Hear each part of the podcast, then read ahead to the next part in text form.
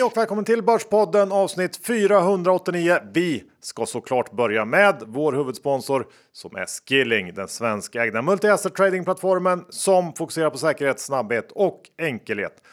Och John, det här med att diversifiera sin portfölj, det snackas det ju mycket om. Ja, men ändå görs det för lite av det och med Skilling har man ju faktiskt möjlighet att trada i princip jordens alla marknader. Men inte nog med det. Man kan också trada olika råvaror, valutor, kryptovalutor. Ja, det finns allting att trada på Skilling, vilket gör att man diversifierar portföljen något enormt jämfört med att bara stanna hemma på sin hemmamarknad. Ja, precis. Och där tror jag många kanske gör ett litet misstag att i princip bara investera i just sin hemmamarknad. Och med Skilling så är det ju så enkelt att diversifiera sin portfölj med investeringar från flera olika marknader. Så det här tycker jag verkligen att man ska ta en funderare kring. Ja, och man ska heller inte glömma bort att Skilling är fullt reglerade och står under statliga myndigheters kontroll. Ja, och erbjuder också då över 950 CFDR inom åtta olika tillgångsklasser så att det finns att välja på där för alla. Men kom ihåg att 80% av retailkunder förlorar pengar när de handlar CFDR. Så Bögskilling.com för en fullständig ansvarsfri skrivning. Och med det så säger vi stort tack till Skilling. Idag John så har vi ju träffat den legendariske Carl Mikael Syding. KMS, Ja, som han är känd för precis ingen eh, som. nej, men eh, Syding är det ju många som känner honom.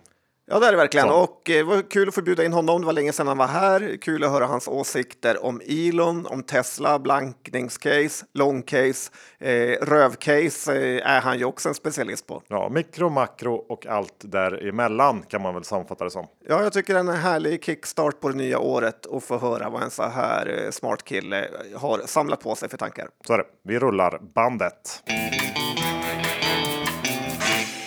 Mikael Syding, välkommen till Börspodden. Du kommer och besöker oss eh, då och då och är faktiskt en lyssnarfavorit. Eh, Välkommen! Jag förstår verkligen inte varför jag blir inbjuden jämt, men eh, här är jag. När var det senast? Kommer någon ihåg? Var det, det var mer än ett år sedan va? Två år sedan, det var förra eh, jul, nyår. Ja, men alltså förra, förra. Inte mer än rätt. Att vi borde ju faktiskt egentligen ha kollat lite grann vad du sa då. Det borde vi, kan man tycka. Men det har vi inte gjort. Nej, men Nej, eh, utgå, utgå från att jag sa att eh, bästa aktie blir Aselio eh, till exempel. Eh, Mm. och så gick det svinbra i en månad eh, och sen föll det 99 procent. Ja, det var väl Johan som sa att du hade dina rövcase eh, där. Det var lite klassiskt. Men det är alltid så när vi eh, frågar vilka gäster vi ska ha så dyker det alltid upp att eh, de vill höra Micke Syding. Så det är vi glada för att du tog dig tid att komma hit. Mm, det kommer fler rövcase idag. Eller, det är samma, samma. Det var så du blev rik. Hur är det med privata rikedomen förresten? Ehm, den är helt okej. Den är inte absolut eh, topp. Det är inga all time highs. Ehm, men eh, 75 procent. Ja, Ja, men det är bra ett sånt här år när börsen har varit dålig. Det är väldigt många som är, är, är ganska långt ifrån sina all time highs i rikedom. Fråga fastighetspamparna. Jag känner inga. Nej, men Bra. kan vi få, kan vi få eh, någon slags recap av 2022 då? Hur har ditt 2022 varit? Eh, ja, min privata noterade portfölj, den har ju liksom kollapsat fullständigt. Det som ligger där, det är ju förhoppningsbolag. Kriterierna är att de ska inte ha några intäkter eh, och någon typ av liksom, spännande eh, pryl eller fyndighet eller någonting. Alltså lite så som när, när John brukar prata om eh, undervattensdrakar, att liksom, sådana här saker blir ju aldrig någonting. Men, men jag tycker inte att det är någon idé eh, för mig att köpa liksom Atlas Copco eller SE-banken. Utan jag har till exempel Aselio som är ner eh, 95 procent eh, 2022. Det är mitt största innehav. Det är fortfarande mitt största innehav för att jag fortsätter att pytsa in pengar där.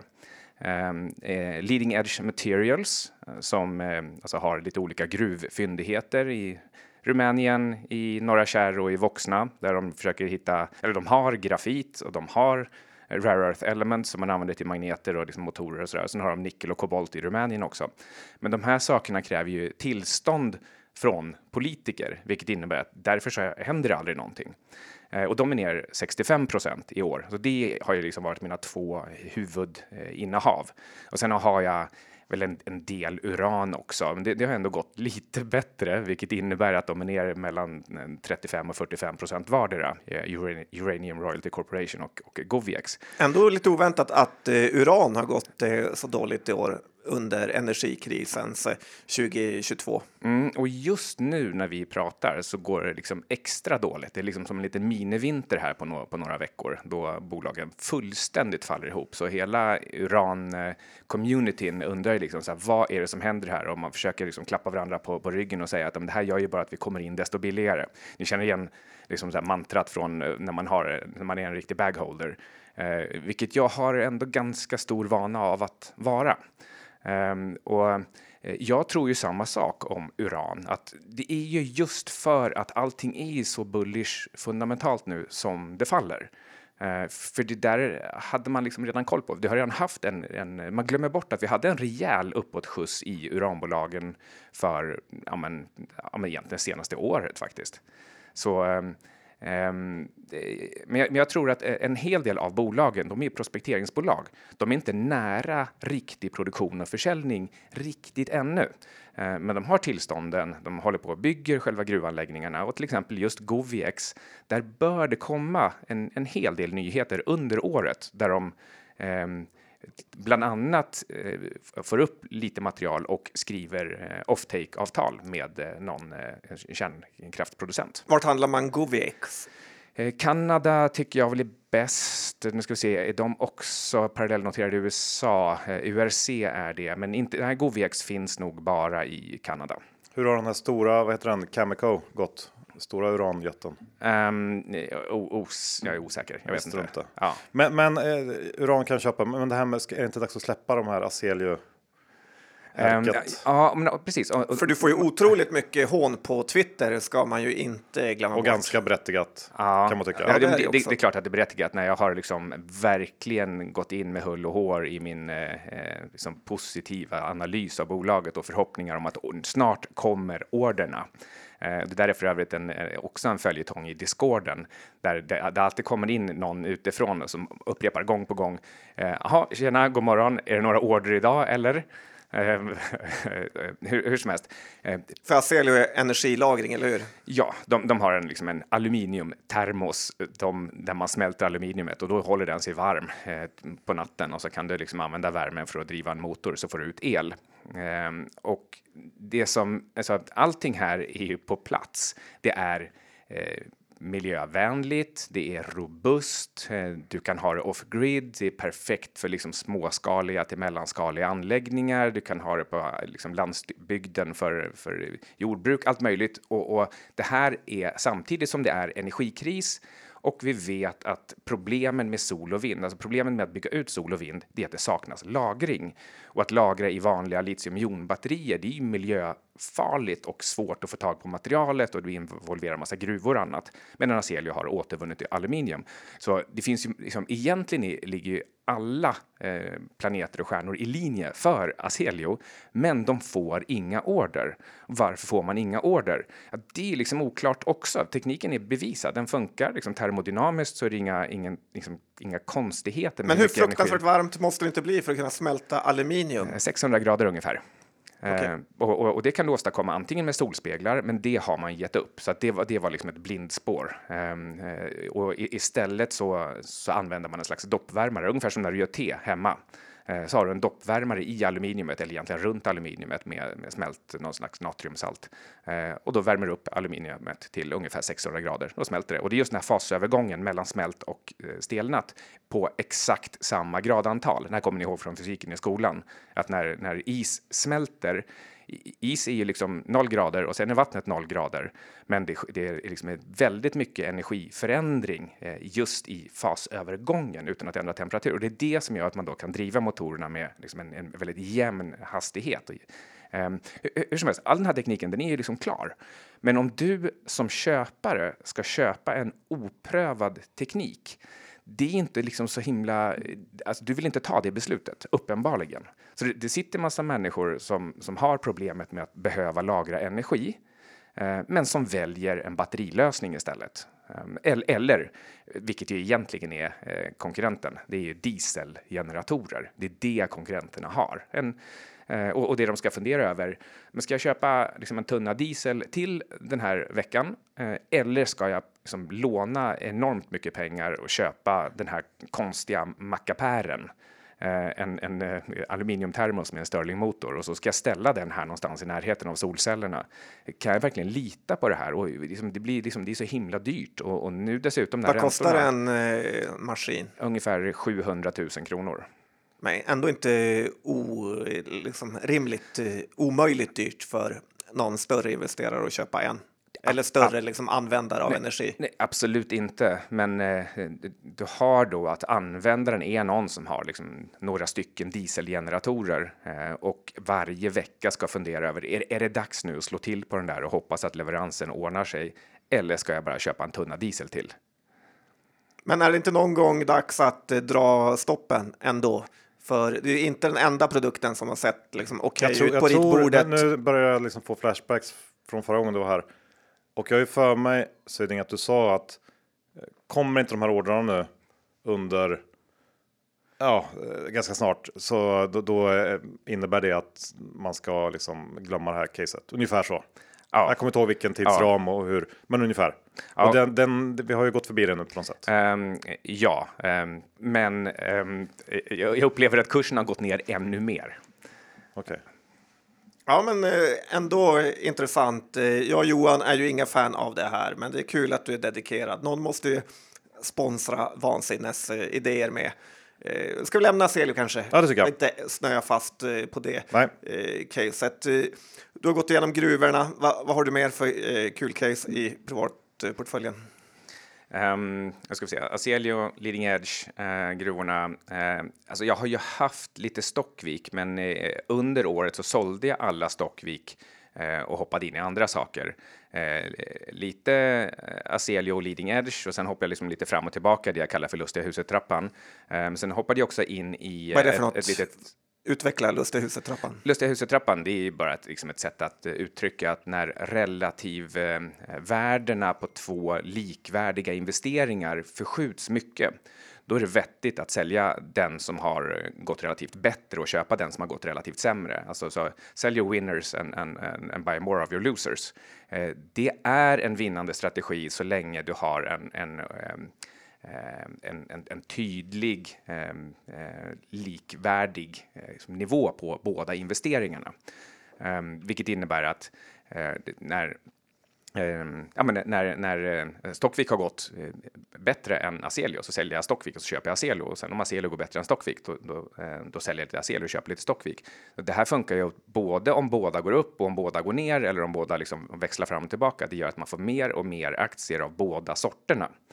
Eh, det men inte lustiga huset att man blir ett faktapp av att gå eh, in i det? Exakt. Nej, nej, men däremot så är, om man inte behärskar de här trappstegen, då hamnar vi ju i spagaten. Ehm, det är en liten bok av det här. men gör det, gör det korrekt så flyger du upp på, på ett och ett halvt steg. Ja, det gör man.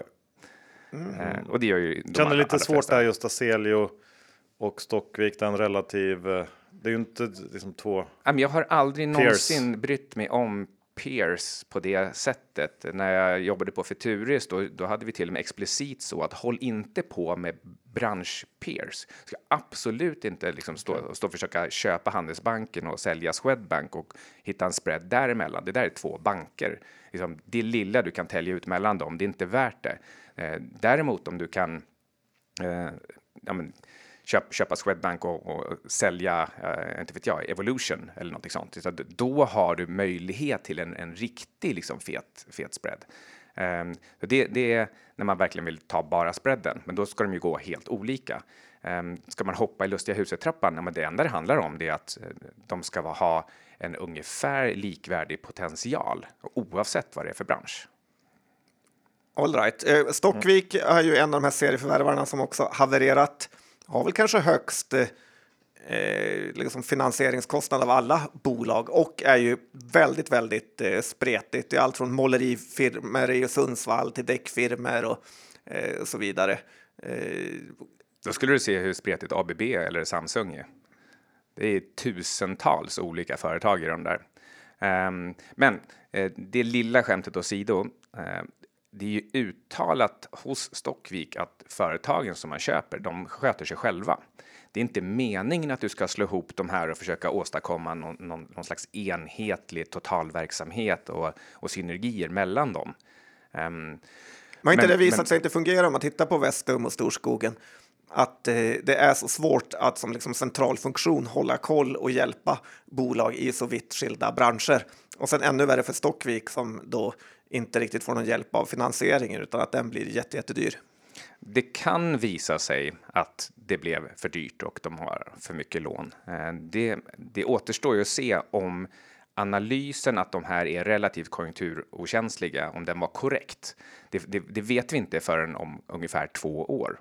Eh, jag tycker och tror att eh, de två senaste förvärven inom hälsa visar att ledningen i Stockvik, de är i alla fall inte det minsta oroliga för att de skulle få slut på pengar eller få, slut, eller få svårt att finansiera sig eller att bolagen de har inte skapar eh, några pengar. Eh, jag, jag tror att de är helt övertygade om att de kommer gå på plus kassaflödesmässigt före investeringar eh, under, eh, även under 2023, eh, vilket innebär att det blir, det blir ingen brist på pengar överhuvudtaget.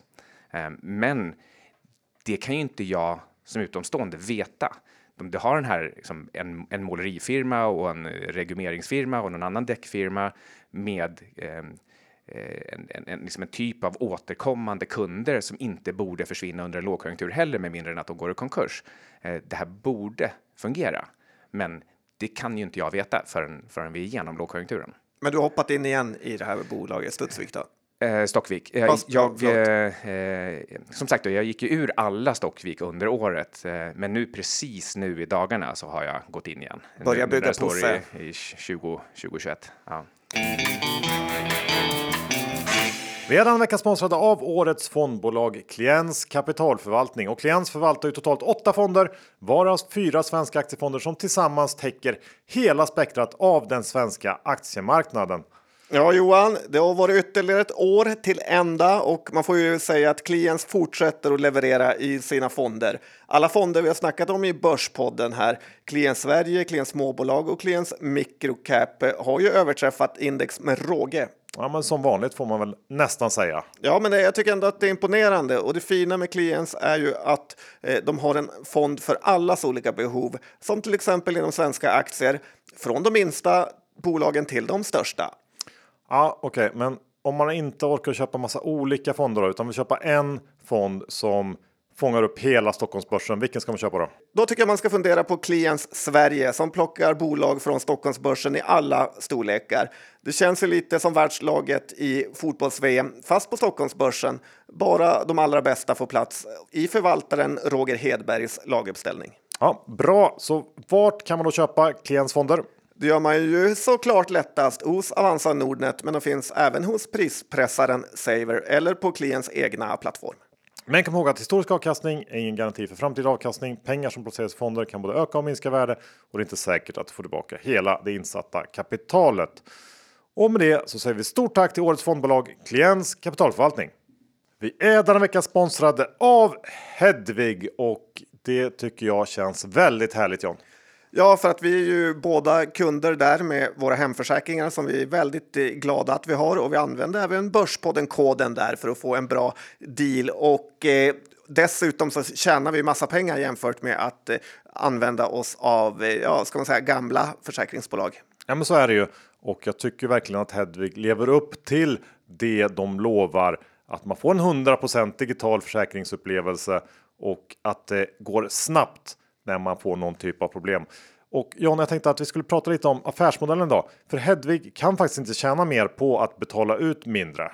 Nej, det är det de inte kan, utan har de ett överskott så ger de bort det till välgörenhet. Annars kommer medlemmarna och kunderna få så mycket skadeersättning som det bara går. Ja, och fokuset för Hedvig ligger på att hjälpa medlemmarna. Snabba utbetalningar och personlig service. Händer något så ska det vara snabb hjälp och pengarna på kontot ska finnas där snabbt. Det ska inte ta veckor eller månader i långbänk med kvitton och förhör innan man får hjälp för en försäkring som man faktiskt har betalt för. Så att det här eh, tycker vi faktiskt är riktigt, riktigt bra. Förresten, vet du hur snabbt deras eh, snabbaste skadehantering tog? Nej, men jag gissar att det är fort, någon timme kanske. Du är långt ut och cyklar nu. 196 sekunder från kontakt till utbetalning. 196 sekunder. Det är tre minuter och eh, 16 sekunder. Det är sinnes. Och eh, för alla som vill ta rygg på oss och eh, hänga med i Hedvig-tåget så är det ju bara att surfa in på hedvig.com och sen använda koden Borspodden för att få 50% rabatt i tre månader. Och det här gäller då på alla Hedvigs försäkringar, men endast nya kunder ska man komma ihåg. Ja, men det är fantastiskt bra. Det är ju eh, ganska mycket pengar man kan spara. Ja, hedvig.com och koden Borspodden. Vi säger stort tack till Hedvig. Men, men nu låter det som att ändå gör och sitter och handlar en egen portfölj. Du har ju en, du är en fondförvaltare igen också nu för tiden.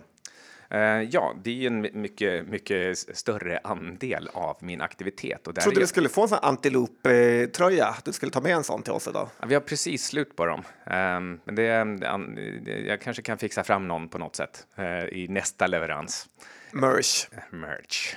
Ehm, hur som helst. Eh, det jag gör om dagarna, det är liksom en, en, en normal heltid så går jag till kontoret på Antilop på Birger Jarlsgatan. Eh, och, och för att eh, Johan ska veta var det ligger så är det, det, det är mitt emot Prada och Moncler. Okej, mm, tack. Och ehm, eh, Hur går det för Moncler? Är det Min- många som är inne i den butiken? Jag funderar ofta på eh, det. jag försökte komma in, men de, jag blev inte insläppt. jag skulle ha en sån här silverjacka, men eh, på riktigt. Okej. Men jag, jag stod där och väntade i typ 10 minuter, sen började jag frysa för mycket för jag hade ingen jacka. Eh, det var ju det jag skulle köpa. För den kostar ju typ 10-20 papp. Ja, snarare 20 tror jag. Eh, så det slutar med att jag har min eh, som, som det står Carl på, så då, då vet jag i alla fall att det är min. Okej. Ehm, jo, och min placeringsstrategi där, den är ju fullständigt annorlunda eh, mot min privata. Min privata är ju då som sagt non-revenue eller pre-revenue eh, bolag, eh, förhoppningsgrejer som kanske kan bli någonting om, om liksom 3, 4, 5 år. På Antiloop, Eh, då har jag en market neutral portfölj. Den är alltså alltid lika lång som kort. Alltså så att det, det, det, det ska inte spela någon roll åt vilket håll marknaden går generellt sett. Eh, och det är bara riktigt stora eh, bolag. Alltså det här, det, vi ska ju, med absolut minsta det är att jag är lång Kindred och liksom att jag har ett bolag som bara har 25 miljarder i market cap. Det är, Ehm, jag, vet, jag hade lite ont om idéer. Jag tror att det skulle kunna bli uppköpt och det, liksom, ja, det, det, det, var, det är lite av en, liksom en, en eh, eh någon, någon slamkrypare där som gjorde att den kom in i portföljen ändå. Eh, men, men annars så ska det ju vara eh, minst 100 miljarder i, i market cap för att få vara med i portföljen. Eh, det här gör också att jag tenderar till att hamna mycket mer i USA, i alla fall, eh, i alla fall på kortsidan. Eh, jag, må, jag vill ha ännu större bolag eh, om jag ska vara kort, som till exempel min, mitt bästa innehav i år är, är Tesla. Eh, och det är för att det är så oerhört enkelt att, att handla den kort. Mm, där är ju Elon har ju blivit eh, nästan så galen som eh, sista, ti- eller, sista tiden har ju visat att han har blivit väldigt och är väldigt galen. Twitter har ju visat eh, när han har fått fullständigt ballat ur där. Alltså, de som har liksom, följt med i Tesla-storyn noga eh, har ju inte sett liksom, någonting nytt egentligen sedan 2016. Eh, han är exakt samma som han alltid har varit. Eh, det är inte några liksom, nya konstiga stora stories som, som, som breakar eller någonting sånt där, utan han fortsätter att veva på som han, som han brukar. Ehm, och Eh, Eh, mina kollegor på Antilop, de säger gärna saker som ja, men så här, jag är ett fan av, av, eh, av Musk eller liksom så här, jag har, nu har jag verkligen svängt till att liksom, gilla honom på allvar.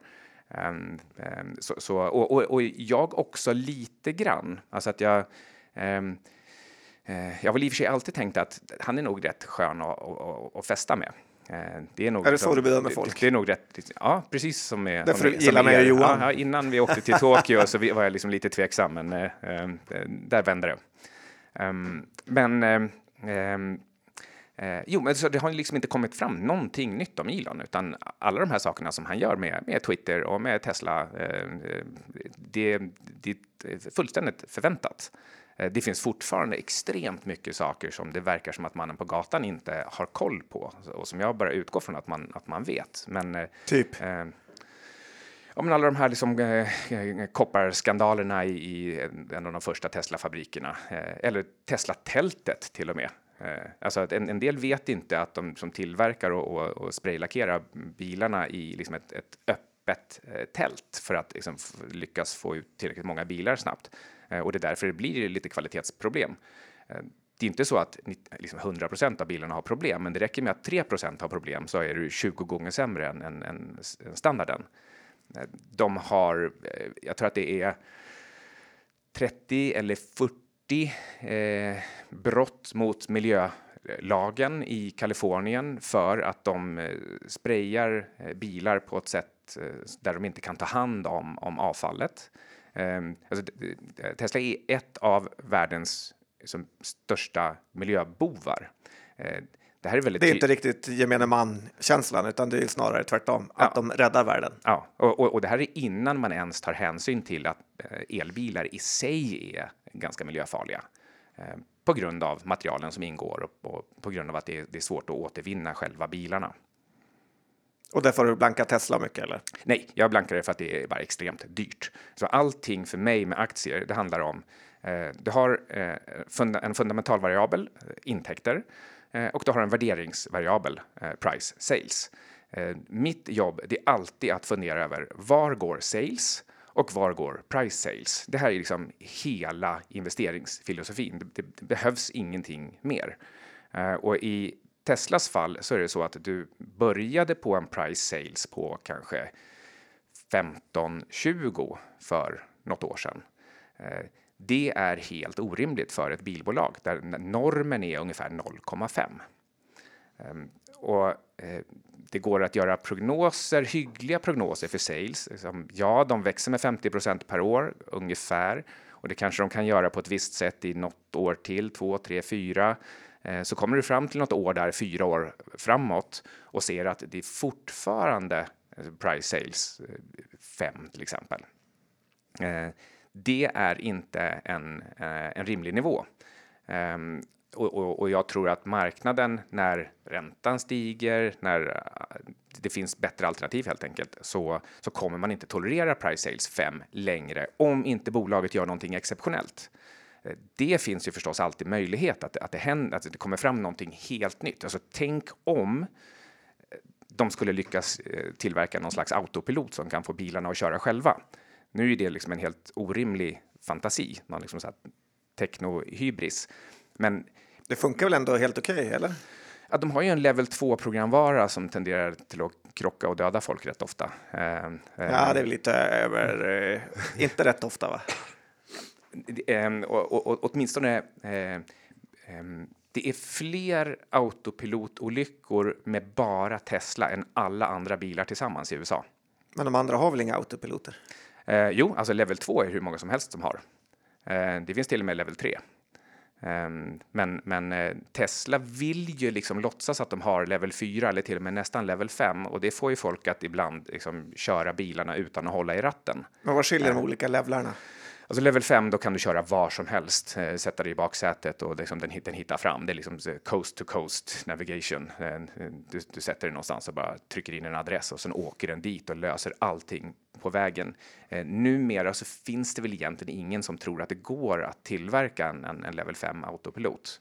Ehm, för det, då måste man i princip vara en människa. Så sättet som våra datorer fungerar på Eh, kan inte ta in omvärlden och förstå den på, på, på det sättet. Då behöver vi en, eh, vi behöver en eh, liksom generell AI som, som är som oss, som förstår världen, kan inte bara titta på den och mäta den.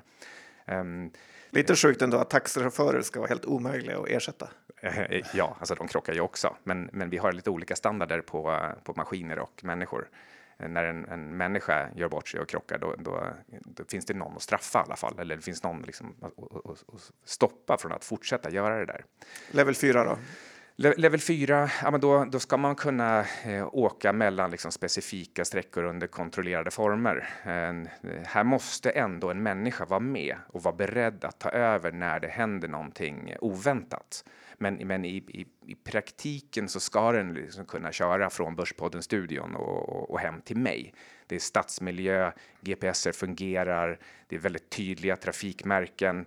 Eh, det, är inte, eh, det är inte plötsliga liksom, nya konstiga förändringar som det kanske kan vara på en landsväg eh, utanför stan. Där kan det liksom dyka upp koner eller djur eller liksom saker som man liksom bara inte hinner med. Alltså det, det, finns ju, det finns ju massa videor på liksom Tesla, eh, hur, hur, den kör över eh, pappersfigurer av, av barn för att den, eh, den fattar inte vad det är som dyker upp eh, framför bilen. Eh, bland annat för att eh, de inte har något sätt att mäta avstånd på. Vilket man kan tycka är lite konstigt om du försöker bygga en autopilot och så har du tagit bort hårdvara som mäter avstånd. Eh, de andra, alla andra tillverkare, eh, som Waymo till exempel, som är, som är det är väl det enda bolaget som har fått förarlöst taxitillstånd. Um, så, så, att de kan faktiskt, de får faktiskt ha förarlösa taxis utan någon i som, som kör, kör folk på väldigt begränsade områden. Uh, de, alla de här andra tillverkarna, de har ju någon typ av radar eller LiDAR alltså laserradar, som helt enkelt bara studsar eh, en, en ljusstråle och mäter hur långt bort någonting är. Men Tesla chansar på att de med en vanlig kamera, alltså typ en webcam, ska lyckas mäta hur långt bort någonting är. Det är en väldigt dum idé. Eh, mär märkligt, eh, eh märklig besparing. Ja, den är bara märklig. Man förstår inte varför. Varför gör de så? Och det här innebär att Tesla får ju svårt även med en helt vanlig stadskörning för att den inte vet var sakerna är. Den, den måste gissa om en fyrkant är precis mitt uppe i, i vindrutan eller, eller 2000 meter bort. Men du tänker att du är eh. smartare än Elon här, eller? För någon anledning måste de ju ha haft eh, att de har valt kameror. Elon är ju jätte, jätteduktig på att tjäna pengar. Han är fantastiskt duktig på att sniffa upp eh, subventioner, eh, Eh, Eh, jag vet inte hur många miljarder dollar eh, eller ja, precis, hur många miljarder dollar han har fått in i subventioner egentligen. Så redan 2015 så var det någon som räknade ihop det där till 4,5 miljard dollar i rena subventioner. Efter det så har han fått flera miljarder dollar i eh, såna här eh, utsläppsrättigheter, eh, ett par miljarder dollar för, eh, för att bygga fabriker och utlova en viss typ av anställningsnivå som han sen inte har hållit. Ehm, och, eh, ja, och, och, för att inte tala om alla miljarder dollar för eh, eh lägre eh, bilpris för att det är eh, elektriska bilar, för, för att man, man vill få ut fler sådana på, på, på, gatan. Och då är det ju politiker som har bestämt det här utan att tänka efter att ja, men det där var, de är inte så bra egentligen. Det är mycket, mycket bättre med typ en hybrid från Volkswagen. Um, så uh, vi kommer liksom bort lite från spåret här med att, att Eh, Tesla har inte tekniken för att, liksom, definitivt inte level 5, inte level 4. Eh, level 3 skulle man väl liksom kunna tänka sig att han borde kunna uppnå, men han lyckas inte få tillstånd för det.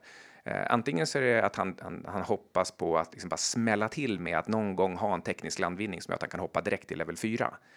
Men borde man inte vilja liksom sälja produkten med att den åtminstone får köra lite mer fritt än att den bara har eh, någon slags eh, hastighetshållare. Det här är en spännande mm. take. Och eh, hur har du gjort med, med din Tesla-kortning? Har du eh, plockat in den? För den har ändå fallit väldigt mycket i år, 50, över 50 procent. Ja, jag, jag, jag, är inne, inne på min åttonde vända.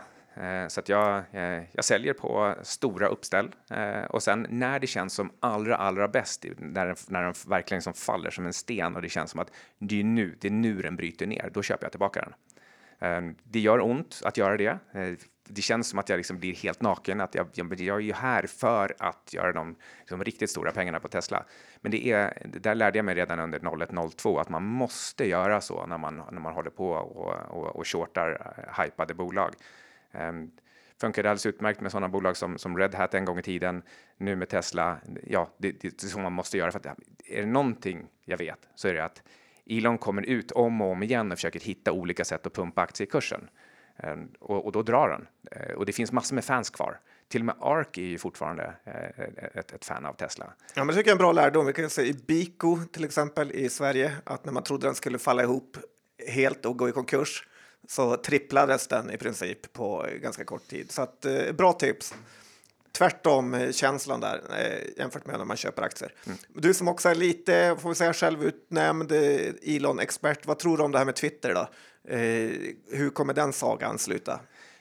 Jag trodde, alltså så här, jag kastas fram och tillbaka hela tiden. Det går inte att veta vad det är han vill egentligen. Eh, han, han, spelar inte liksom 5D-schack, han spelar inte ens vanligt schack, han spelar någon slags eh, fyra i rad där, där han stoppar ner liksom egna figurer i, i, i hålen.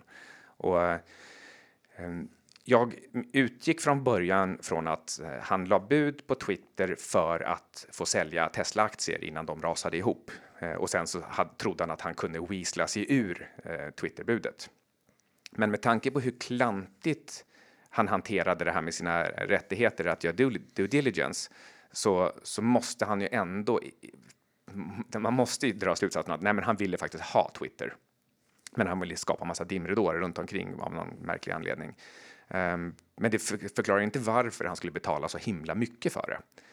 Um, men det är möjligt att han bara gjorde en, en, en missbedömning, trodde 54,20, det, det är roligt, kanske kommer börsen tillbaka, då ser han ut som ett geni som har köpt eh, re, relativt lågt. Twitter var faktiskt också det, det billigaste sociala nätverket. Men varför 54,20 är roligt? Eh, för att 420 är ett knarkskämt, det betyder weed.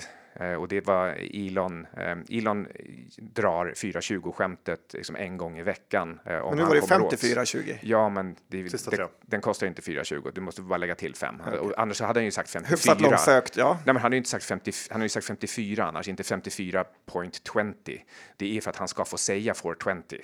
Eh, samma sak som när han eh, la sitt första bud på Tesla, eh, Taking It Private, på, eh, där 2018, augusti 2018, på 420.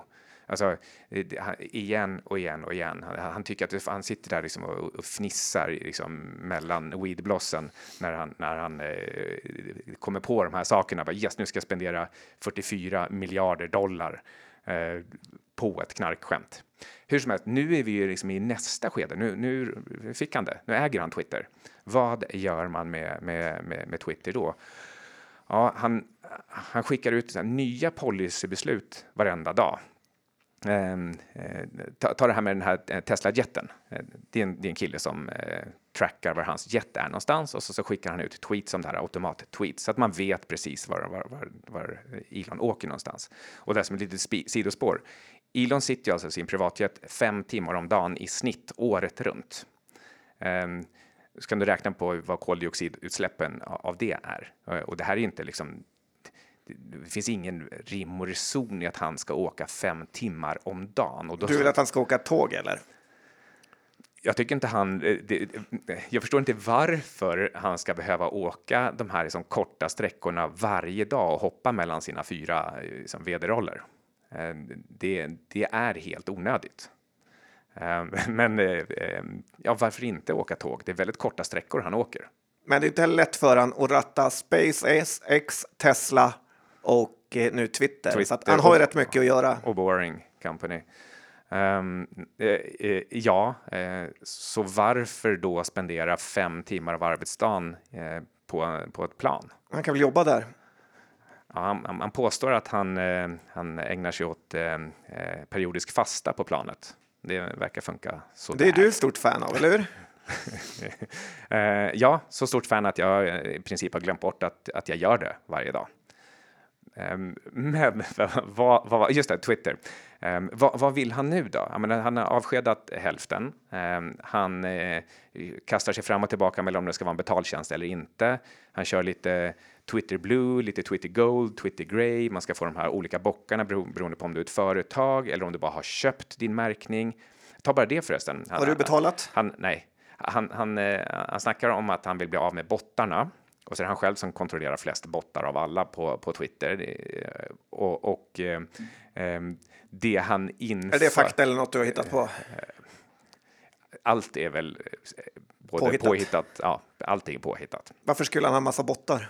Um, för att kontrollera narrativet, för att kunna kontrollera röstningar, för att piska upp en positiv stämning bland, bland sina följare, för att sälja Tesla-bilar. Ehm, det, finns, alltså, det bästa man kan göra med, med bottar är att få folk övertygade om liksom, någon, någon, eh, eh, någon åsikt som kan få en att, att eh, köpa och sälja saker. Eh, men är det här efter han köpte Twitter eller före? Nej, alltså, sen han började med Twitter. Sen han insåg makten hos Twitter och att han fick fler och fler följare eh, så har han också förstått såklart kraften av att ha en armé av både följare men också falska följare eller, eller falska konton. Men, eh, men vart har du läst det här? Men, eller sett det? det står ju precis överallt. Det, det är precis som att... Eh, eh, ja, det, jag, jag, tycker vi, vi, vi, släpper det spåret, för jag kan inte bevisa här att han har bottar. Jag kan inte bevisa att han erbjöd en häst för prostitutionstjänster på sin privatjet. Men, men det är ju allmänt känt att det är så det är. Ehm, men visst, hon som skulle få hästen kanske ljög. Ehm, precis som att eh, de som är insatta i hur Twitter fungerar kanske hittar på att han kontrollerar en armé av bottar. Ehm, oavsett, när han säger att han ska bekämpa bottar, oavsett om han själv har några eller inte, men någonstans har han informationen om att det finns väldigt mycket bottar på, på Twitter, så inför han då alltså en betaltjänst som gör att du för 8 dollar kan få ett blue checkmark så att du är ett verifierat konto. Så att om du är en bot, alltså säg att du är liksom en nordkorean som kontrollerar en miljon bottar. För bara 8 miljoner dollar så har du en miljon verifierade botkonton som därmed framstår som att de är äkta personer. Eh, vem, vilken företagsledare som vill bekämpa bottar inför en möjlighet att för bara 8 dollar ha ett konto som är verifierat icke-bot? Eh, det låter ju som att han han verkligen vill se till att, att bottarna får, får fritt spelrum på, på Twitter. Eh, och det här är ju liksom ett av många ganska märkliga beslut som han håller på med. Som igår när, när han eh, lägger ut den här omröstningen. Ska jag avgå som vd för Twitter? Jag, kommer, jag kommer lyda omröstningen. Ville han eller ville han inte avgå? Jag trodde att han la upp omröstningen för att han redan hade bestämt sig för att avgå. Och sen ska han få det att verka som att han, eh, att han är demokratisk och, och, och lyder vad folk säger. Um, men men nu, nu blev det ett, ett rungande ja för att han ska avgå. Men det verkar som att han nu ändå inte vill avgå. Han säger att det är ändå ingen som vill ha jobbet. Och jag, jag kan inte få rätsida på om han vill vara vd eller inte. Han borde ju vilja bara, bara släppa den här, eh, den här liksom sörjan och, och, och, gå därifrån. Men det hjälper ju inte honom som, som ägare. Nej, vi eh, kommer släppa det avsnittet i januari, så att då kanske vi vet lite mer vad som har hänt. Det ska bli spännande. Jag tycker vi lämnar Elon ja, eh, för tillfället. Um, faktiskt. Och eh, matar oss in på lite köttigare. Johan, vad, Nej, men jag tänker så här, vi, vi, ja, eh, vi... Småsugen, som Nej, småsugen. Eh, nej men så här, 2022 eh, bakom oss nu var ju året då på något sätt eh, räntor kom tillbaks, inflation kom tillbaks, mycket hände eh, ur ett makroperspektiv. Eh, vad var liksom din syn på det kanske och in i 2023? Hur, hur kommer hela makrovärlden att utspela sig under året som vi har framför oss? Johan Isaksson, reporter på TT. Vilken uh, härligt liten och snäv och begränsad fråga ändå. Du kan välja All, lite grann hur du allt svarar. Allt som hände 22 och allt som ska hända 23. Ja. Um, ja, men 2022 um, blev väl ändå som väntat så tillvida att Eh, eh, techaktier fick sig en, en, liksom en liten smäll. Eh, att Fed och andra centralbanker faktiskt följde upp med att höja räntorna så mycket som eh, eh, kanske ändå inflationssiffrorna eh, kräver. Eh, med det sagt så är jag nog ändå lite förvånad över att de faktiskt var så, så duktiga på att höja, höja räntorna. Eh, jag hade Alltså, åtminstone i början så, så sa jag saker som att de kommer aldrig komma hela vägen dit. Eh, eh, för marknaden kommer antagligen sparka bakut lite för mycket på vägen och, och då kommer de göra en pivot. Det, liksom, det är det som har varit centralbankernas liksom, modus operandi. Och, att, och, och Powell gjorde ju sin berömda pivot där 2018 och eh, det, han, han, är ju fortfarande samma duva vid makten, så att det, det, jag trodde från början att det, antagligen kommer den där pivoten eh, eh, förr snarare än senare. Men, men under året så, så, kunde man ändå börja ana i kommunikationen tycker jag att eh, nej, det är annorlunda nu. Alltså där 2018, då fanns det fortfarande fog för eh, någon slags liksom deflationära tendenser som gjorde att man kunde eh, chansa på, på låga räntor och, och QE. Eh, och eh, sen tillsammans med policymisstagen under, under coronakrisen så skapade man alldeles för högt inflationstryck.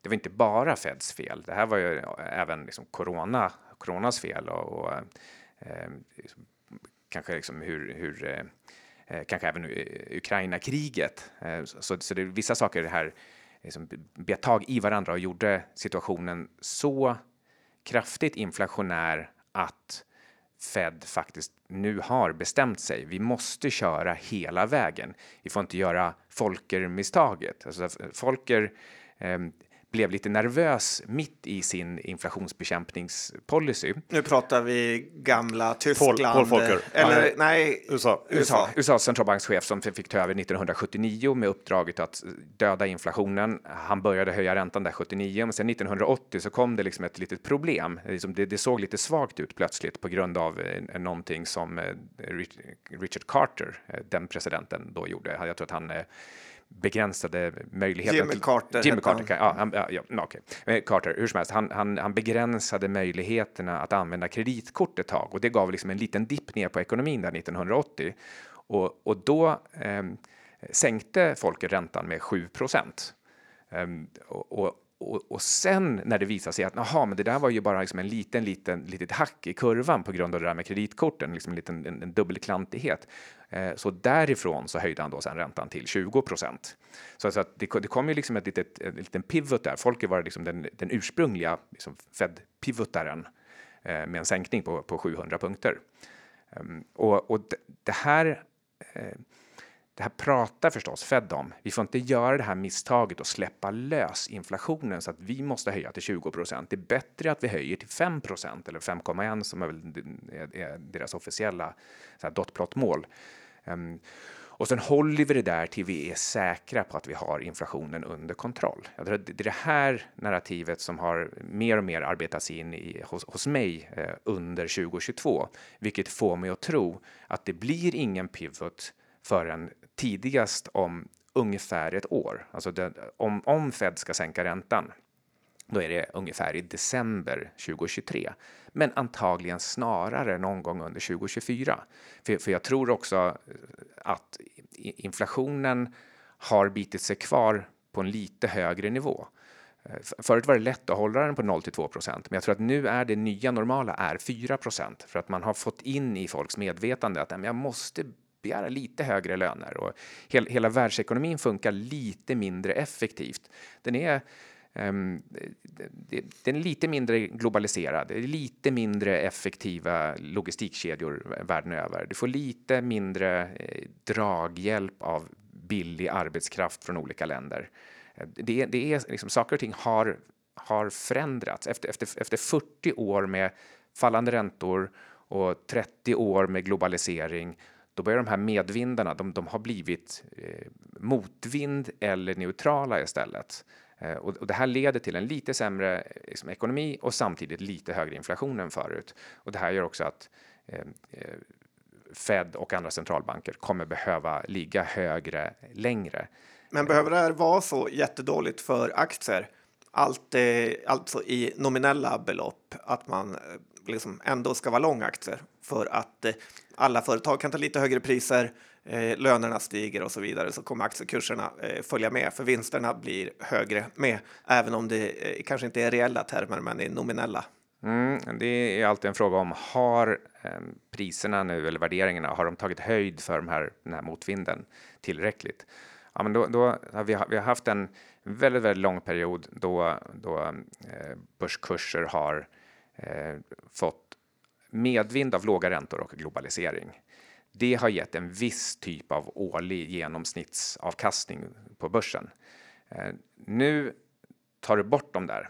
Det, det enda man liksom då kanske ska säga är att istället för att, att börsen stiger med 10-15 procent per år för att du har en, du har en, en, en ganska kraftig medvind eh, av globalisering och, och, låga räntor så har du istället en, en, en, motvind på båda punkterna. Då kanske börsen ska stiga i snitt 5% per år under, eh, under 20 år Ehm, istället för 10-15 procent under, under 30-40 år. Ehm, och, och, ska den stiga med ungefär 5% per år i, i 20 år det är oftare så att, att börsen tar ett par rejäla kliv neråt eh, med en mellanliggande period med, med hås också där man hoppas att de här sakerna vänder tillbaka. Så, så det, det vi liksom sannolikt får se det är, men nu har vi haft en, en rejäl nedgång ändå liksom under 2022. Eh, var det tillräckligt? Nej, jag tror inte det. Ehm, men, men nu har vi också fått en rejäl studs. Um, och, och det, det, ökar ju sannolikheten ännu mer för att nästa steg är neråt när marknaden blir förvånad över att räntorna faktiskt höjs eh, så pass mycket som de, som de kommer göra. Alltså, alla skriker om pivot och alla som har varit med i tio år är vana vid att köpa dippen och tycker att men nu var det ju dags. Och dippen var i somras. Men, men ehm, Eh, jag, tror att det, jag tror att man blir överraskad över att räntorna eh, fortsätter att höjas. Um, och, och, och, det här gör ju då att alltså dels har du de här motvindarna. Dels inser du att du kan inte bara köpa på vilken värdering som helst. Um, och det finns alternativ. Du kan ju lägga, du kan ju parkera pengarna i något ränteinstrument. Mm. Man får också, jag tänkte på det du sa i början där att, att uh, kring att du trodde när vi gick in i året kanske att det här skulle aldrig gå, alltså att centralbankerna skulle kunna pressa på med, med räntehöjningar och så där. Eh, man får säga att ekonomin har ju klarat det kanske bättre än vad man kunnat tro eller befarat när man gick in i året på något sätt. Mm, det, det, ser verkligen eh, liksom starkare Än ut och, och, särskilt jobbmarknaden i, i USA och det, det, är också så typiskt att Fed är eh, reaktiva och absolut inte proaktiva. De, de väntar till de ser allting. Um, och um, jag, jag, tycker inte att det är särskilt förvånande att, att Q3 var ett bra kvartal för vare sig liksom ekonomin eller, eller vinster. Det, det här eh, sa jag hela sommaren att eh, det, här, det kommer en del liksom stimulanseffekter och restarteffekter som, som gör att Q3 ska se stark ut. Um, men, men nu har vi, vi har inverterade yieldkurvor, inte minst i eurodollar. Um, vi har ganska svaga readings på, på PMI eh, särskilt services. Alltså vi är nere på 44 till 46 både i Sverige och i USA tror jag. Um, så eh, det, det bör, ja just det, och, och, och, vi har inte ens sett effekterna av, av räntehöjningar och eh, energipriser ännu egentligen. Alltså, räntehöjningarna har ju skett, men det tar ju tid för dem att verka in i systemet. Så eh, den disponibla inkomsten för, för hushåll och även vad som faktiskt finns över i kassaflödet för företagen efter räntekostnader. Smällen av de här sakerna, de, de får vi egentligen inte se förrän Q1, Q2. Ehm, med det sagt så tror jag nog ändå att eh, Q4 kan nog ändå se ganska svaga ut. Att man börjar, börjar se början på det hela. Och jag tror att möjligen så blir bolagen också tvungna att dra ner sina outlooks. Ehm, Vi har redan haft många vinstvarningar eh, så att det är mycket möjligt att eh, Q4 kommer vara ganska dåliga. Och det är väl egentligen ingen som tror att Q1 heller ska vara jättebra, utan det snackas väl lite om att man redan fokar på 2024. Ericsson sa ju det nyligen med. Ja, alltså det vore ju oerhört ehm, eh, rationellt och eh, förutseende av börsen. Men eh, min erfarenhet säger mig att ehm, Eh, saker och ting är inte diskonterade. Alltså, titta bara på valutaeffekter för industribolagen. Varenda kvartal så blir alla förvånade, antingen uppåt eller neråt, på ett sätt som, som borde vara, gå liksom räkna ut med lilltån. Mm. Ja, men kul, jag tycker ändå att vi kan eh, gå vidare lite grann. Negativ outlook för ekonomin och börsen närmsta tiden då. Eh, en annan stor grej som har varit under 2022 är ju den här gulddiskussionen på Twitter eh, där du och Anna Svan har varit liksom eh, guldledare och många har varit på er där. Det är upprört många känslor. Eh, vad säger du om guldet 2022? Och hade ni rätt eller ångrar du dig? Diskussionen gällde ju vad, vad priset på guld är. Um, och så kan man väl konstatera att alla vet att man kan mäta det i, i olika saker. Man kan mäta det i antal tunnor olja eller i liksom fiat dollar eller kronor eller i bitcoins. Men så länge man bara mäter alla saker man tittar på och jämför med varandra i samma valuta så är det inga konstigheter. Det är ingen som, som, som tycker. Ehm, men vad, vad som ändå finns ett tyckande i och, och, och där jag och Anna verkar ha lite annorlunda inställning än andra, eh, det är att ehm, jag tycker att guld har liksom ett, det har ett, ett, ett värde. Ehm, det värdet baseras inte på att guld handlas i bara dollar. Eh, det är inte så att någon sätter priset i dollar och sen anpassar sig alla andra, utan priset på guld bestäms av att det finns massa köpare och säljare i hela världen.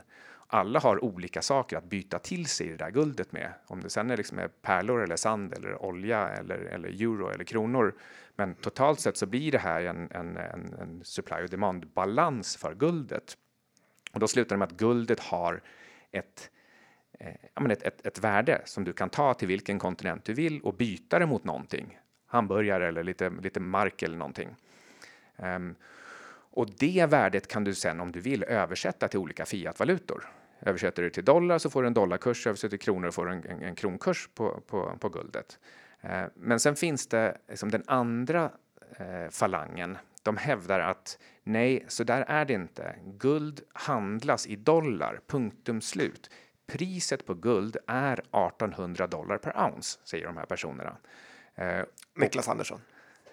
Jag tänker inte nämna no några namn, eh, men, men, eh, men, men, har du antagit den som grundinställningen, att det finns en specifik valuta som gäller för en viss tillgång, Eh, ja, men då kan du, då kan, ja, då, då, då, då hamnar du där helt enkelt. Att eh, eh, först rör sig priset i dollar eh, och sen översätter du det till en annan valuta och, och, och, och då blir slutresultatet blir en effekt av eh, hur, hur valutorna rör sig relativt varandra. Och, och då kommer du tycka att om du, om du köpte, jag tycker att man, här, man köper guldet på 500 kronor per gram och så, så säljer man det för 600 kronor per gram. Då har du tjänat 20 procent. Eh, det är inga konstigheter alls. Och så jämför du det med börsen som, som hade fallit 20 procent. Det, det, det, är glasklart. Jag började med 100 kronor, jag slutade med 120 i guld och 80 i aktier. Då gick guldet 50 procent bättre. Guldet gick 50 procent bättre det fanns inga valutor inblandade här. Jag köpte guld, jag sålde guld. Jag köpte OMX, jag sålde OMX. Ehm, det är glasklart för mig som ser guldet som en, som en egen, egen tillgång. Ehm, men om man, om man utgår istället från att nej, men guld är någon slags, den tillverkas i dollar. Ehm, ja, men då kommer du hamna någon annanstans. Och det här handlar inte om rätt eller fel. Det handlar om att Eh, du är en investerare och du köper och säljer tillgångar och så tjänar du pengar och i efterhand så, så räknar du ihop vad du fick. Och om man, om man kan göra det på det här andra sättet um, och, och, och få det att funka lika bra så absolut, varsågod. Det, det, det är ju liksom i slutändan så sitter man ju bara där med sin pen, pengapåse. Men är du positiv eller negativ till guld från och med nu?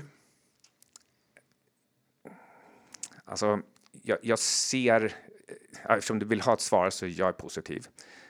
Jag ser guldet som eh, en parkeringsplats. Det är, det, det är torrt krut. Om man alltid har ungefär 10% guld i portföljen och ombalanserar till ungefär 10% periodiskt, till exempel varje år. Det brukar bli bra resultat om man gör det. Eh, då får du en portfölj, alltså om du har 90% aktier och 10% guld och alltid ombalanserar till 10-90 varje år. Då kommer du få en portfölj eh, som har bättre Eh, egenskaper än att bara ha aktier. Och dessutom förstås mycket, mycket bättre än att bara ha guld. Det är ingen som säger att man ska köpa guld och ha det som sin investering och bara ligga på det. Precis som ingen säger att du ska köpa eh, kontanter och bara sitta på dem. Eh, kontanter blir liksom noll värda med tiden.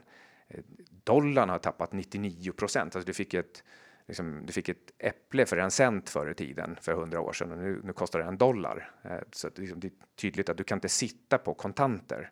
Eh, guld åtminstone under den tiden har hållit sitt värde. Du får precis lika många äpplen nu som för hundra år sedan för, för liksom din, ditt guldmynt. Hur är det då med krypto? Hur eh, menar herrn? du får tolka frågan totalt, som vill. Totalt fritt. Nej, men jag tänkte bara på att för, sist du var här så var det ju lite mer tjo och stämning kring krypto för två år sedan. Nu är det ju eh, dessvärre betydligt mindre tjo och. Mm, det här är precis som med aktier och guld, att man eh, blir gladare och gladare ju längre ner saker står för att man kan köpa desto fler av dem. Det man vill ha i slutändan, det är ju mest grejer. Dels produktiva tillgångar som aktier eh, eller eh, härliga och varma och mjuka saker som hus och bo i. Ehm, eller kanske spekulativa tillgångar som man har fått många fler enheter av än man hade tidigare, till exempel kryptovalutor. Så nu med eh, ether på eh, kanske 1180 idag och, bitcoin på 16 800 ehm, då börjar de bli ganska intressanta ändå. Eh, jag tror dock fortfarande att vi ska få se nya lows under 2023. Jag tror att vi är inne i en period då risktillgångar får ta stryk.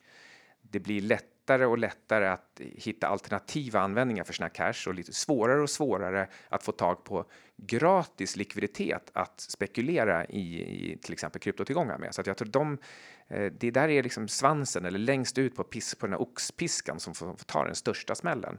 Men Just nu så det är ovanligt negativt tryck kring, kring krypto. Det är FTX-kraschen och det är alla de här AC3 Capital och, och eh, det är lagstiftare som skriker och det är privatpersoner som har förlorat pengar som, som säger att vi måste ha mer reglering. Så just nu så är det väldigt hårt negativt tryck på kryptovalutor och det är ju då man, man ska köpa. Men, men eh, samtidigt så har vi studsat upp ordentligt. Eh, från, från, från botten. Eh, det gäller särskilt Eter som var nere på 880 och, nu då nästan, nästan 1200. Ehm, så så jag, jag, tycker att det är onödigt att köpa mycket just här och nu efter den här studsen, särskilt med min syn att vi, vi går in i ett 2023 då, då man ska sälja risk och vi får, har ännu högre räntor och det är då liksom, recessionen biter på allvar. Folk får ju mindre pengar över på alla sätt. Du ska betala elräkningen, du ska betala eh, räntorna, du ska betala dyr eh, mat eh, och sen ska du ha pengar över till aktier, obligationer och, och krypto. Och, och, då tror jag att eh, krypto åker på så mycket stryk att vi, vi kommer ner till kanske 12 000 i bitcoin och, och ner mot eh, 7, 8, alltså 700 då, i, i, i eter. Men eh, jag tycker ändå att det är en ganska bra idé att börja ackumulera redan nu. Så varför, om man nu ändå tror att eter ska upp till 5 eller 10 000, varför hålla på och jiddra om att försöka bottenticka den på 700 om du kan köpa en del på 1200? Du får ju dubbelt så många Syding. Ja, typ. ja men, men eh, du vet ju inte ens att du kommer dit. Men du vet ju absolut inte att den kommer till 5000. Det är väl det, nej, det, ja, det vet du ännu mindre än. Det är längre ifrån än till 700. Ja, eh, precis. Det, eh, det finns ju en, en, hygglig sannolikhet för att de ska till noll också. Det här är ju någonting som folk kan tro att de förstår vad det är för någonting. Man kan tro att man förstår prisdynamiken, men egentligen så förstår vi ingenting. Vi, vi, vi, ser att det finns algoritmer. Vi ser att det finns massa smarta människor som drar sig till den här branschen och försöker liksom bygga företag och, och skaffa sig en karriär kring det. Ja, det händer saker och liksom, eter är också ändå användbart. Eh, så jag ser att den fundamentala nätverket underliggande med, med människor och företag, det fortsätter. Eh, vi, vi ser fler och fler banker av typen JP Morgan och Goldman Sachs som faktiskt tar det här på allvar. Så jag, jag, eh, eh, jag, jag sätter ändå gärna ner foten och, och, säger att det här kommer vara någonting. Det kommer bli någonting. Eh, och det kommer vara någonting som är mycket, mycket större än att bara vara värt one trillion dollar för hela liksom, kryptosfären. Eh, vi är nere på någonstans där nu, ungefär one trillion för alltihop. Ja, Syding, vi har ju nött på nu. Tycker att du som vanligt levererar eh, starkt. Väldigt kul att, höra dina pålästa tankar. Eh, du nämnde i början här att eh, när du jobbar på Futuris så eh, tog ni ett långt case och ett kort case som inte alls var lika varandra. Om du är tvungen att göra det här i Börspodden live eh, eh, som något, ett bolag du tror allra mest på och ett bolag du tror allra minst på. Och eh, så klockar vi in det här om ett år eller så. Vad tar du? Vad väljer du? Alltså det ni vet ju, det är så oerhört dum övning att försöka klicka in pricka någonting på vare sig på ett års sikt eller för den ännu värre på exakt ett års sikt. Ehm, det är inte så någon handlar, vare sig man investerar eller, eller tradar. Men, ehm, eh, och, och det är lite synd att Tesla just nu håller liksom på verkligen och gräver sina liksom lägsta nivåer här på, på 150. För det är också den som jag tycker är den, den uppenbart sämst skickade för, för det kommande året. Det är dåliga lyxbilar i en miljö där, där... Det är inte så kul att höra allt det här om min egen bil. Räntorna blir högre och högre. Och, och, du har ju inte ens en bil, Sidi. Just, kanske ska sluta ge dig på min bil hela tiden. Just liksom konsumtion, kon, lyxkonsumtion, bara nice to have, det är liksom det, det som jag tror får det absolut svåraste det kommande året. Liksom recession och alla pengarna går till alla de andra sakerna som jag berättat om och liksom att då, då köpa de här lyxbilarna när det också kommer massor med konkurrenter upp på banan. Alltså, äntligen så är de ju där allihop och, och börjar rampa upp produktionen. Ehm, det, det, och, och det roliga är att det här sa ju Einhorn redan 2016. It's still a zero. Och så sa han 2021 så kommer alla de här bilmodellerna ut. Ser ni inte det? Ehm, och, eh, vilket innebär att liksom hela, hela caset var ju klart redan 2016. Ehm, det var bara det att kursen skulle upp 100x först eh, och, och, i någon liksom, väldigt märklig historia att vända. Men, men eh, det gör att eh, Tesla, dagens värdering, den är ju fortfarande eh, ja, men typ så sju gånger sales och de tjänar pengarna på subventioner fortfarande. Um, och, och, nu får du liksom all, all konkurrens. Så jag, jag, tror att ja, men det, det, är den som kommer eh, leverera besvikelser på sales och värderingsmultiplarna kommer komma ner till lite mer normala nivåer. Det, det räcker med att de går till, till fyra gånger sales eh, och sales eh, blir lite av en besvikelse så har den, har den där ja, men det är bra. Du är ja, otroligt eh, många eh, avansägare eh, och svenska ägare överlag i den här aktien så att de kanske ska eh, bli lite oroliga. På långsidan då? Vi får ju ändå säga, får jag lägga till, att förra året när du pratade om blankningar så hade du det här cykel eller spinningbolaget Peloton, har jag för mig att det hette, som fullständigt kollapsade, så att det var ju en fantastisk blankning. Så jag har, ju, jag har höga förväntningar på att du har rätt nu. Vad har du på långsidan? Då? Eh, Peloton blev ju en, en, av mina bästa shorts. Jag har liksom en liten lista här på mina absolut eh, största intäktsgivare för fonden under 2022. Och då är det ju som Tesla, Twitter, eh, Peloton, Eh, men det, det är liksom en hel who's who av i princip ARKs innehav med bland annat DocuSign. DocuSign är nog fortfarande en fantastisk short tror jag. Uh, ingen kommer att signera elektroniskt, eller vad var det du sa i förra avsnittet? Småpositiva till den sektorn. ja, jag, jag, vet att det var det, men, men eh, den är så bara extremt dyr, så det, det finns liksom inte en chans för den, för den aktiekursen. Men nu ska vi hitta en, hitta en lång, ja, liksom mina, mina långar här, jag, jag eh, söker lite grann bland eh, ehm, sektorer som kan börja ägna sig åt konsolidering. För när, när vi har det här hela havet stormar, då brukar relativpriser förskjutas på ett sätt som gör att det blir uppköp. Och det kan bli uppköp i, av riktigt, riktigt stora bolag. Alltså tänk er BHP Billiton köper Rio Tinto eller någonting liknande, alltså världens två största gruvbolag som, som dessutom handlar på typ P5 samma sak i stålsektorn. Jag tänker också bara ofta på eh, när Royal Bank of Scotland blev uppköpt och, av ABN Amro eller av 2008, fullständig katastrofaffär. Ja, eh, och, och det, det, kan det bli här också, men om du lyckas välja den som blir uppköpt så, så får du ändå liksom en bra skjuts i starten. Eh, samma sak kan hända Eh, ja, kanske, kanske till och med banksektorn, men där vågar jag inte liksom riktigt hitta några, några banker. Vi har stålbolagen som handlar på vissa, alltså det här eh, heter det American Steel, det som har kortnamn X. X. Ja. det, det handlar på officiellt P1 eller 2. Eh, men det finns ju förstås massa förklaringar till det. Men, men det kan liksom vara så att just, just i de här basmaterialsektorerna så kan det bli liksom riktigt stora, stora affärer. Men jag skulle nog ändå Ehm, ja, en annan relaterad sektor, det är olja förstås. Jag tror att det är, det är nog där jag hittar min bästa, bästa lång ändå. Eh, och då blir frågan, ska jag ta en av de stora liksom oil majors? Det är ju de som jag handlar i, på, på Antilope. Eh, ConocoPhillips har alltid varit min, min favorit. Eh, min kollega tycker att det börjar bli dags för Exxon Mobil. Eh, men eh, vill man ha lite mer, lite mer liksom potential på uppsidan ändå, eh, så blir det eh, SLB. De hette förut Schlumberger, men de har bytt, eh, bytt namn till SLB för att det ska gå lättare att uttala. Eh, och det är helt enkelt en underleverantör till oljesektorn. Eh, de behövs för eh, underhåll, eh, för eh, byte av delar, för prospektering, för ja, på, på, alla sätt så är det här de, de det här är liksom hackar och spadar. Lite Halliburton. Ja, men Hall, precis. Halliburton är ju också med på min kortlista i saker som jag ska gå in i igen. Jag har redan, jag har redan ägt SLB eh, och det blev en fantastisk trade faktiskt på väldigt kort tid.